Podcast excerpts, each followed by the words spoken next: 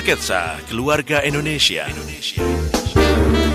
Program radio yang dipancar luaskan di seluruh Indonesia melalui jaringan Heartland Network untuk memperkokoh Indonesia melalui keluarga.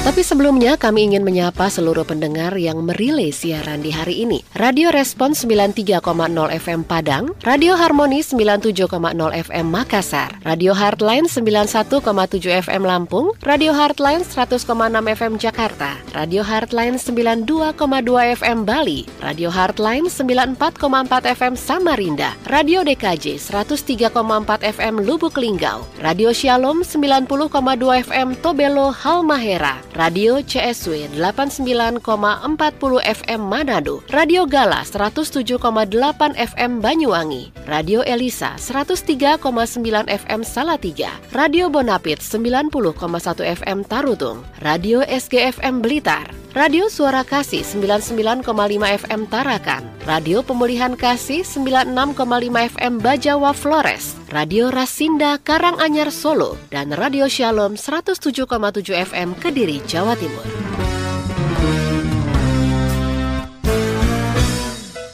Halo apa kabar untuk Anda seluruh pendengar di seluruh Indonesia dan juga tentunya Anda yang mendengarkan kami melalui live streaming di www.heartline.co.id Anda yang mendengarkan melalui apps di Heartline Tangerang dan juga tentunya Anda yang mendengarkan di 100,6 FM Heartline Radio serta teman-teman jaringan pelayanan radio di seluruh Indonesia.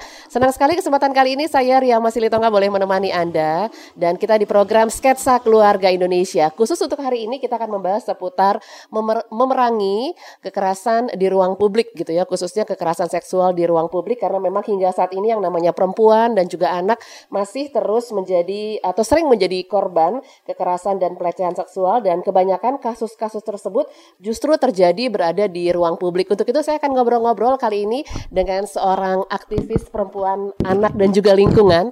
Kali ini saya bersama dengan Mbak Rahayu Saraswati Jojo Hadikusumo. Saya panggil biasa kita panggil Mbak Sarah. Halo Mbak Sarah apa kabar? Baik, terima kasih. Iya, thank you sudah menjumpai kita juga ya di program Sketsa Keluarga Indonesia hari ini.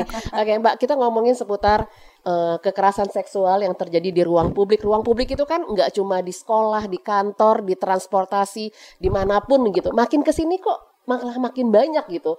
80% yang dialami oleh perempuan dan juga anak. Tanggapan Anda sendiri dulu Mbak Sarah. Ya, itu menarik kalau misalkan dikatakan bahwa mulai ke sini tambah banyak. Menurut saya sebenarnya banyak yang sudah terjadi dari dulu, mm. tetapi mungkin dua faktor. Faktor yang pertama adalah kesadaran masyarakat tentang apa itu yang namanya kekerasan seksual. Mm. Jadi dengan kesadaran mereka meningkat, sehingga mereka pun juga mengetahui bahwa oh itu salah, itu tidak bisa diterima. Mm. Jadi dengan kesadaran itu lebih banyak lagi yang melakukan pelaporan. Mm. Tapi di sisi yang lainnya juga tentunya kita melihat bahwa permasalahan seperti ini dari dulu itu sudah sangat banyak dan uh, dari segi pendidikan kita mm -hmm. itu masih jarang dibicarakan tentang permasalahan ini karena tabu ya apakah itu hmm. tabu atau memang para gurunya kurang tahu bagaimana hmm. menyampaikannya hmm. atau orang tuanya pun juga merasa bingung bagaimana menjelaskan kepada hmm. anak-anaknya. E, kalau di luar negeri itu kan di bahkan di PAUD saja hmm. itu oh, sudah diajarkan yang namanya good touch but hmm. bad touch gitu yeah. kan. Apa sih sentuhan yang baik, hmm. yang oke okay dengan sentuhan yang itu tidak baik, tidak baik. gitu. Dan itu di, dimulai dari PAUD, dari anak-anak balita mm. supaya mereka pun juga tahu kalau misalkan ada yang menyentuh mereka dengan itu itu pelecehan, mm. mereka jadi tahu bahwa oh saya harus melaporkan karena ini tidak nyaman, ini harus tidak boleh dilakukan mm. gitu. Tapi mm. kalau mereka tidak dididik tentang hal itu, bagaimana mereka bisa tahu mm. bahwa itu tidak baik? Ya. Makanya kenapa kalau kita lihat sekarang banyak sekali video-video sosialisasi di sosial media kita terima, itu justru malah kita mengadop video dari luar ya. gitu ya dengan dengan kita tersentuh melihat video itu dan hmm. kita belum bisa bikin gitu karena hmm. memang ya mereka sudah memulai dulu gitu ya, ya. kalau kita bikin video pun juga kadang-kadang orang kok menunjukkan sih yang seperti itu ya, gitu kan ya. karena Nyinyir lagi pemahaman gitu ya. bahwa oh ini justru untuk mendidik bahwa ini jangan karena kita bicara tentang misalnya hmm. nih pendidikan seks aja. Mm-hmm. Itu saja sudah dari dari kata itu pun juga mau bicara seksual aja orang udah kayak uh salah tingkah dan nggak tahu bagaimana tuh. Be- tidak tidak mengerti bahwa yang dimaksud adalah pendidikan kesehatan reproduksi. Mm. Pendidikan bahwa apa sih sebenarnya itu yang baik atau yang tidak baik. Mm-hmm. Ini kan pencegahan mm-hmm. gitu. Hal seperti ini saja pun masih dianggap tabu dan masih tidak dimengerti oleh masyarakat mm. secara umumnya. Iya. Kalau yang banyak sekarang itu kan terjadi memang kekerasan seksual kita lihat dari aduan-aduan yang uh, kami terima juga ya di radio juga kami menerima itu adalah kekerasan seksual di media sosial. Itu oh, sekarang ya. yang paling uh, banyak muncul. Ini kenapa? Apakah memang kesadaran kita bermedia sosial yang benar nah, itu balik lagi gimana kalau menurut sebetulnya? saya itu itu dari segi misalnya pelaku ya bisa melakukannya di mana saja. Mm -hmm. Ini hanya istilahnya menambah ruangnya. Jadi yeah. istilahnya oh ada tempat baru nih bisa melakukan Dan lebih itu. Luas. Dan apalagi mereka mm. bisa melakukannya secara anonimus mm, gitu kan. Betul. Dari anonymity itu dari mereka Fake -fake menggunakan ya? mm -hmm. fotonya siapa, bukan mm -hmm. foto mereka bisa foto kucing juga mereka mm -hmm. pasang mm -hmm. gitu kan.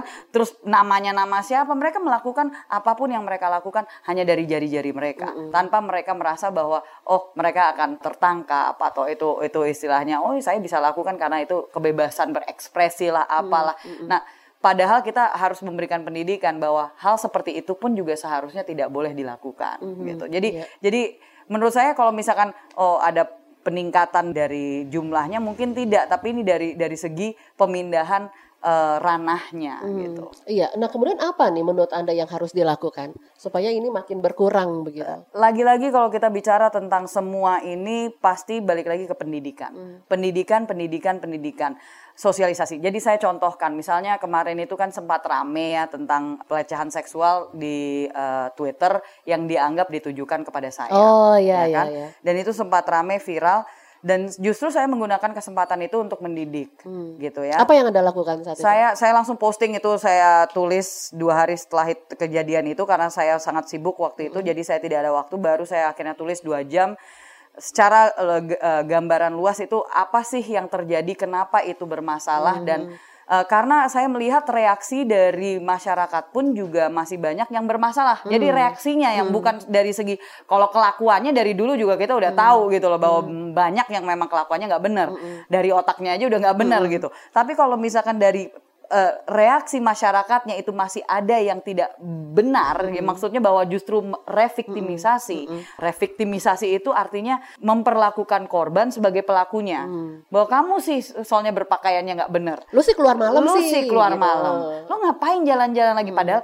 Eh, bidan pulang malam ya normal hmm, gitu loh. Hmm. Terus kalau misalkan berpakaian seperti apa ya dilihat dulu dari konteksnya gitu. Yeah. Apakah kita juga akan menyalahkan para atlet yeah. yang dengan pakaian mereka mereka salah hmm. dengan berpakaian seperti itu padahal mereka sedang uh, berolahraga dan seterusnya. Itu saya jelaskan, saya pampang dengan jelas dan uh, waktu saya pertama kali saya post gitu di Instagram uh, ada seseorang yang langsung hmm. saya udah tebak aja bahwa ini orang belum baca. Itu dia, itu ada repost atau enggak? Apa yang dia tulis? Enggak, jadi, enggak. Okay. Jadi dari komentar dia, mm -hmm. saya itu jelas bahwa dia belum membaca. Okay. Nanti komentarnya balik lagi revitalisasi mm. bahwa tahu bahwa anda ini, bahwa anda seharusnya seperti ini.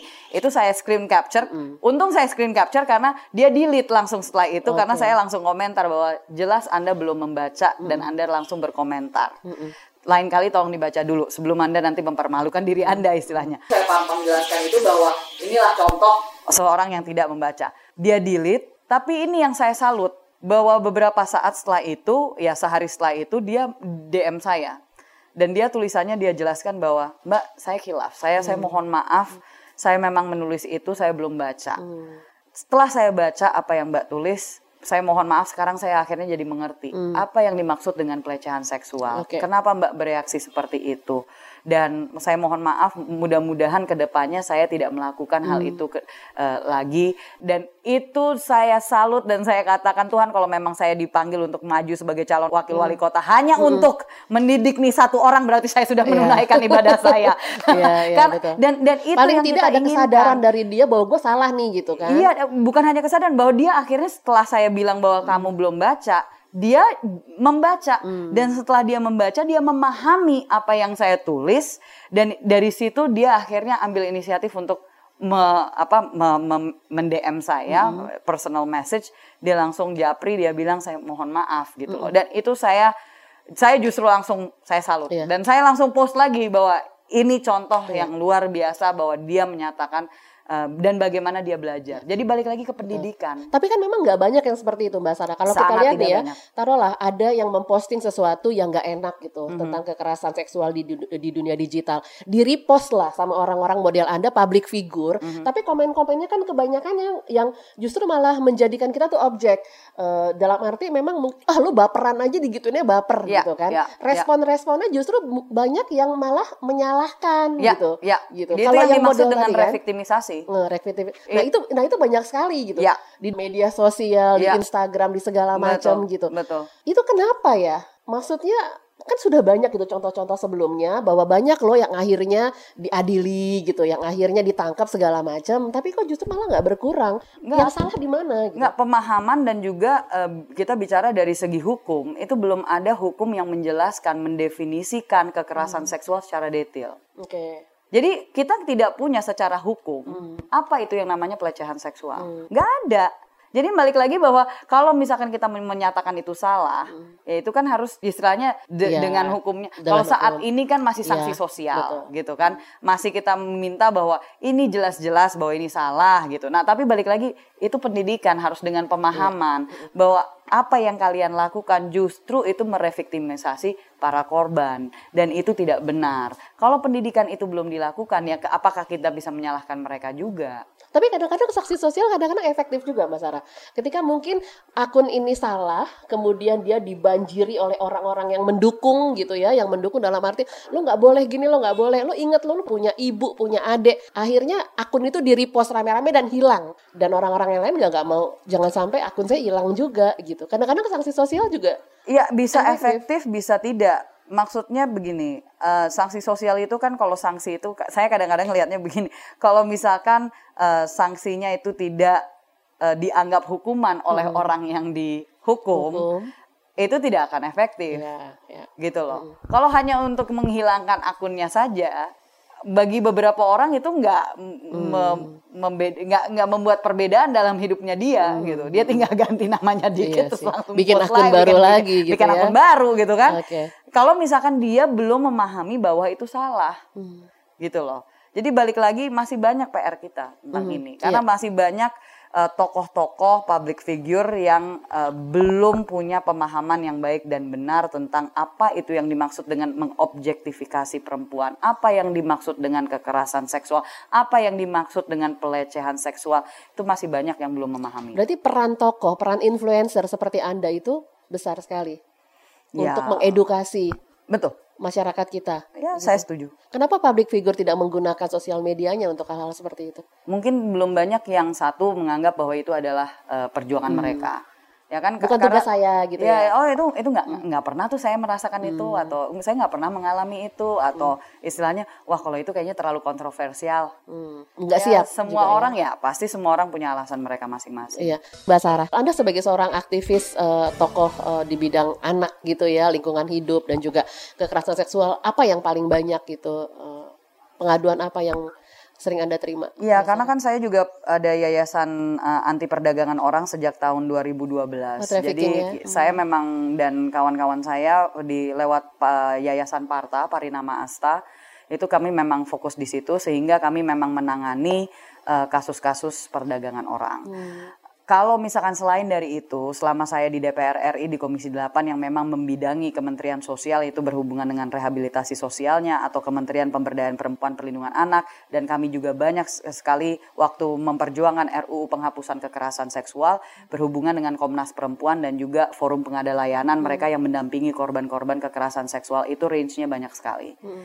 Mau itu dari KDRT, mau itu dari kekerasan terhadap anak, mau itu pemerkosaan anak. Kan ada banyak sekali kasus kasus-kasus yang sudah viral. Hmm. Gang rape juga hmm. sempat jadi isu yang iya. besar yeah. sekali dengan kasus YY waktu saya di DPR hmm. itu kan kasus YY hmm. terjadi yang waktu itu di Bengkulu. Tapi yang buat saya nggak habis pikir setelah kasus itu muncul, lalu habis itu udah hilang lagi orang nggak tahu apa yang terjadi selain dari oke okay, uh, pelaku pelakunya uh, dihukum dan seterusnya. Padahal itu banyak sekali pelaku pelakunya yang masih anak-anak.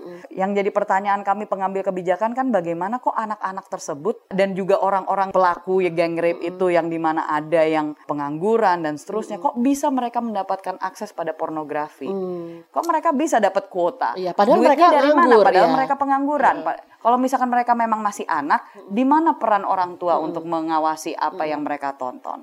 Tapi ini juga balik lagi kepada permasalahan yang sangat besar di Indonesia hmm. bahwa banyak orang tua memang tidak mampu untuk mengawasi setiap saat pada hmm. apa yang dilakukan anak-anaknya. Karena balik lagi kebutuhan ekonomi membuat kebutuhan ekonomi bekerja. akhirnya mereka banyak yang merantau hmm. dititipkan kepada bibi, hmm. kakek, nenek. Hmm. Lalu kalau misalkan orang tuanya pun juga kalau misalkan ada belum tentu dia punya kemampuan atau dia untuk tahu mengakses. bagaimana untuk mengakses akses internet hmm. karena mereka eh, generasinya sudah berbeda. Hmm. Yeah.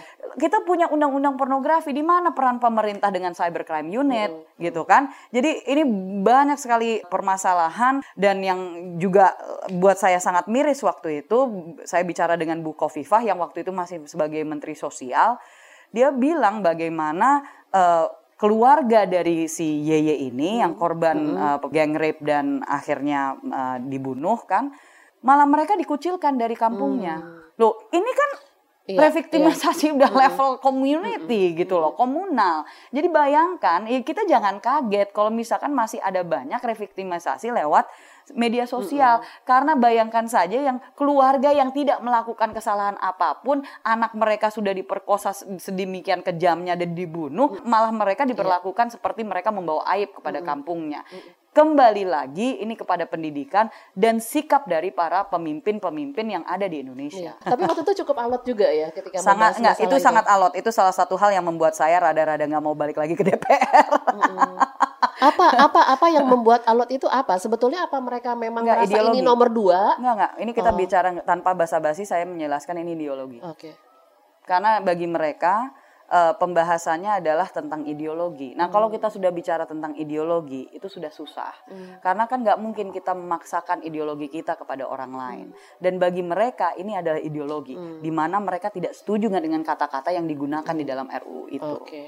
Ya. Kalau udah kayak gini panjang memang urusannya. Panjang. Ya. Jadi saya udah aduh kalau juga. gitu udah angkat tangan okay. deh karena uh, bukannya istilahnya kita angkat tangan terhadap permasalahan ini, hmm. tetapi ya kita balik lagi kepada balik lagi ke pendidikan dan pemahaman tentang apa sih yang dimaksud dengan hak asasi manusia. Ya. Kita bicara hak asasi manusia saja nih Bu Ria. Mohon maaf para pendengar, tapi realitanya waktu saya di DPR itu ada anggota DPR yang bahkan dan ini didukung oleh rekan-rekan yang lainnya ada yang menyatakan bahwa oh hak asasi manusia itu adalah uh, produk dari barat kita harus buat produk iya. hak asasi manusia sendiri Indonesia uh -uh. Gitu itu yang gimana gitu ya, ya? Jadi, uh. jadi kalau misalkan dianggap bahwa hak asasi saja uh -uh. yang seharusnya setiap manusia terbebas dari diskriminasi uh -uh. terbebas dari kekerasan itu saja sudah dianggap tidak sepakat, ya. ya sudah pasti kita ujung-ujungnya nggak akan setuju dengan apalagi yang like spesialis iya. tentang kekerasan seksual. Hmm, hmm. Berarti Anda pesimis ya kalau ini akan gol gitu? Bu, ya bukan pesimis ya, tapi saya realistis. Okay. Pesimis, realistis beda-beda tipis lah. Ya. Beda-beda tipis. Saat ini beda-beda tipis. Oke, okay. kembali lagi seputar kekerasan seksual di ruang publik. Ketika ada perempuan mungkin uh, merasakan pelecehan di taruhlah di transportasi umum begitu yeah. ya kemudian dia tidak bisa apa-apa. Hmm. Karena kalau mungkin dia berteriak, nanti malah dia yang diteriakin gitu kan. Hmm. Atau ya dia nggak bisa melawan. Kira-kira hmm. apa yang harus dilakukan? Enggak, kalau bagi saya sih saya salah satu yang pasti menyatakan kamu harus berani. Berani bicara. Saatnya perempuan berani memang, menyuarakan. Hmm. Harus. Apalagi di ruang publik. Justru kalau misalkan di sekeliling itu tidak melakukan apa-apa, tidak membantu, hmm. shame on them. Hmm. Itu justru malu lah, mereka yang harusnya malu dan sekarang ada kekuatan uh, apa namanya online gitu kan mm -hmm. yang seharusnya bisa itu kita tinggal pintar-pintarnya aja untuk uh, ambil foto dan kita juga harus menyampaikan mm -hmm. apa yang terjadi kita harus mulai berani untuk menyuarakan karena kalau dengan kita menyuarakan akan lebih banyak lagi mereka di luar sana yang mungkin karena keberanian kita mereka akhirnya berani untuk bicara juga. Ya. Oke, Anda saat ini maju di kontestasi Pilkada 2020 khususnya di Tangsel. Bagaimana caranya untuk Anda menciptakan ruang publik yang aman khususnya buat perempuan dan juga anak-anak? Kita bicara dari ber- berbagai sisi. Yang satu sisi kita harus bicara dari infrastruktur misalnya. Simpelnya, sederhananya kita bicara CCTV. Ya Oke, kan? CCTV. CCTV seharusnya bisa kita tempatkan. Oke, awal mulanya mungkin di ruang-ruang publik yang umum dulu, baru di tempat-tempat yang mungkin secara data itu eh, lebih rentan pada terjadinya kriminal di tempat-tempat Di tempat-tempat yang gelap Nah, gitu ya. Ya kalau ke tempat gelap, nah itu bicara juga tentang penerangan. Hmm. Kan kita sekarang sudah punya teknologi juga solar dan seterusnya yang seharusnya bisa eh, apa eh, ada penerangan yang tidak harus Yang nggak mahal. ya nggak mahal lah dan dan dan justru itu di tempat-tempat yang tadinya gelap itu bisa kita eh, berikan penerangan. Lalu yang yang ketiga kita bicara tentang eh, integrated public transportation system, ya kan? Sistem transportasi publik yang terintegrasi sehingga semuanya terpetakan, semuanya jelas, tidak ada tempat-tempat lagi yang istilahnya rentan untuk terjadinya kekerasan dan juga kita harus pastikan ada tim cepat tanggap, hotline juga mungkin kita akan kerjasama dengan DKI Oke. karena kan semua orang udah ya, mulai betul. tahu tentang nomor 112. Nah, tinggal kita kerjasama untuk memastikan apa pun yang terjadi di Tangsel itu mereka bisa serahkan ke kita untuk kita kerahkan tim cepat tanggapnya. Karena di sebenarnya di Tangsel sudah ada satgas PPA. Tapi bagaimana untuk mereka bisa diperlengkapi, mereka ditingkatkan kemampuan dan kapasitasnya, mereka juga di eh, apa berikan bukan hanya kita bicara insentif ya, kita bicara tentang eh, kapasitas untuk mereka bisa me- me- melayani masyarakat. Lalu eh, paling terakhirnya adalah kita bicara tentang pendidikan lagi. Masuk ke dalam kita bicara pendidikan kesehatan reproduktif, reproduksi itu eh, masuk ke sekolah-sekolah atau lewat informal dan kita juga harus memberikan penyuluhan kepada orang tuanya. Bagaimana untuk melakukan komunikasi tentang kekerasan seksual kepada anak-anak dan kita menguatkan untuk eh, ibu-ibu dan juga untuk semua masyarakat jika terjadi itu mereka harus berani untuk menyampaikan dan harus berpihak kepada para korban. Mengakses PPA itu bagaimana caranya? Mereka ada di setiap eh, bahkan dari yang saya ketahui mereka ada di setiap kelurahan. Nah ini tinggal bagaimana eh, mereka sebagai tim cepat tanggapnya seharusnya. Dan eh, kalau mereka sudah ada, maksudnya nggak di, mm, tidak digunakan, tidak diperlengkapi dengan eh, apa bagaimana mereka untuk bisa eh, apakah dengan motornya atau dengan sepedanya untuk datang ke tempat lokasi di mana ada pengaduan. Oke, Anda kan biasanya kan eh, ketika menjadi paslon gitu harus kampanye. Nah, sebagai anak muda, generasi muda gitu, kira-kira nih di era sekarang, di era pandemi ini, kampanye yang kreatif tapi juga efektif di era pandemi ini apa yang akan Anda lakukan? Eh, salah satu hal yang memang sulit sekali dilihat adalah bahwa di Tangsel ini kan partisipasinya sangat rendah dan salah satu eh, kesulitan itu adalah untuk di perumahan misalnya. Dan Kenapa rendah? Sorry Mbak. Sarah, kenapa rendah? Karena kalau dilihat Tangsel itu justru lebih maju dibanding dengan kota-kota yang ada di Nah itu mungkin harus ditanyakan kepada kenapa pada merasa tidak memiliki atas Tangsel. Oh. karena itu ser- sering kali saya karena kan di tahun 2015 hanya 57 persen Padahal lebih eksklusif loh voting. dibanding yang lain kan? Yang voting, ka- tapi kita tidak bisa samakan pilkada dengan pilpres. Oke, Pilpres itu iya. banyak. Hajatan ya. Tapi pada saat itu pilkada, mereka menganggap oh toh juga nggak akan mempengaruhi saya. Nah itu lebih lagi terutama untuk yang di perumahan, karena mereka menganggap hidup sudah nyaman, ya nggak perlu lah eh, ah, siapa pun yang jadi toh juga nggak akan ngaruh. Ini yang di mana kita harus meningkatkan kesadaran bahwa semua pasti akan kena mau itu eh, regulasi dari Pemkot, dari Pemda maupun juga dari pemerintah pusat. Nah, di sini di mana kita juga harus meningkatkan eh, angka partisipasi dengan apa kepemilikan mereka atas Tangsel gitu. Hmm. Nah, Caranya- caranya? kita mencoba untuk masuk eh, komunitas-komunitas, simpul-simpul. Eh, kita juga bicara program-program yang bisa menggait mereka. Ya balik lagi meningkatkan eh, kesadaran dan juga ketertarikan dari anak-anak muda juga. Kita juga menggunakan eh, teknologi ya seperti mau itu Zoom, Google Meet, apa pun itu untuk eh, kita bisa eh, berkomunikasi. Apalagi karena pandemi COVID-19. eh, tetap berkomunikasi dengan mereka dengan segala regulasi yang membatasi kita saat ini. Iya. eh, Dan tentu menggunakan social media. Udah pasti. Pertanyaan saya terakhir, kalau nanti, nanti Anda terpilih untuk memberdayakan perempuan dan juga anak di Tangsel, apa yang akan Anda lakukan? Eh, kalau untuk perempuan sendiri yang tadi saya katakan pemberdayaan masyarakat melalui UMKM. Eh, jadi kita akan meningkatkan karena UMKM banyak kontributornya adalah perempuan. Oke, Ya kan? pelaku-pelakunya UMKM. Pelaku-pelakunya ya. Jadi kita mau melakukan pemberdayaan dan memberikan akses permodalan terutama salah satunya adalah untuk single parents. Oh. untuk single moms oh, oh, ya. single untuk ibu-ibu yang mereka single fighter itu sering kali mereka sangat terhambat untuk mendapatkan akses Ke bank, akses perbankan. pada perbankan pada permodalan. Itu yang akan kita bantu eh, dan juga eh, bagaimana kita meningkatkan kesehatan ibu dan anak Oke. ya. Jadi karena permasalahan stunting masih sangat tinggi di Tangsel kita juga bicara nutrisi jadi penyuluhan-penyuluhan terutama untuk ibu-ibu muda bagaimana untuk mereka bisa menjaga selama masa kehamilan gitu kan untuk makan nutrisi yang secukupnya yang memang balance seimbang beberapa hal yang akan kita lakukan dari dari segi itu Mm-mm. Anda juga sebagai moms, arti keluarga buat Anda. Terakhir lagi ternyata. iya nam- nambah terakhirnya ini iya, banyak tambah terakhir banyak.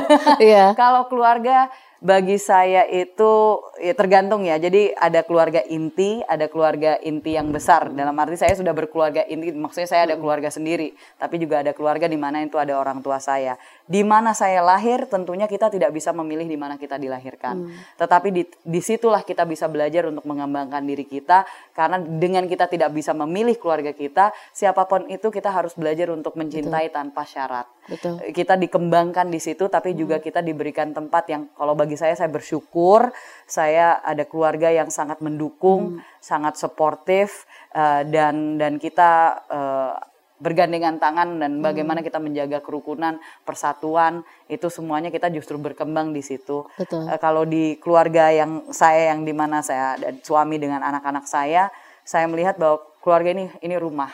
Ini ini di mana hati Tempat saya kita pulang. berada tempat kita pulang, tempat kita Iya, memang semua di nyaman, eh, tempat kita di mana kita bisa melepaskan semua permasalahan luar gitu kan.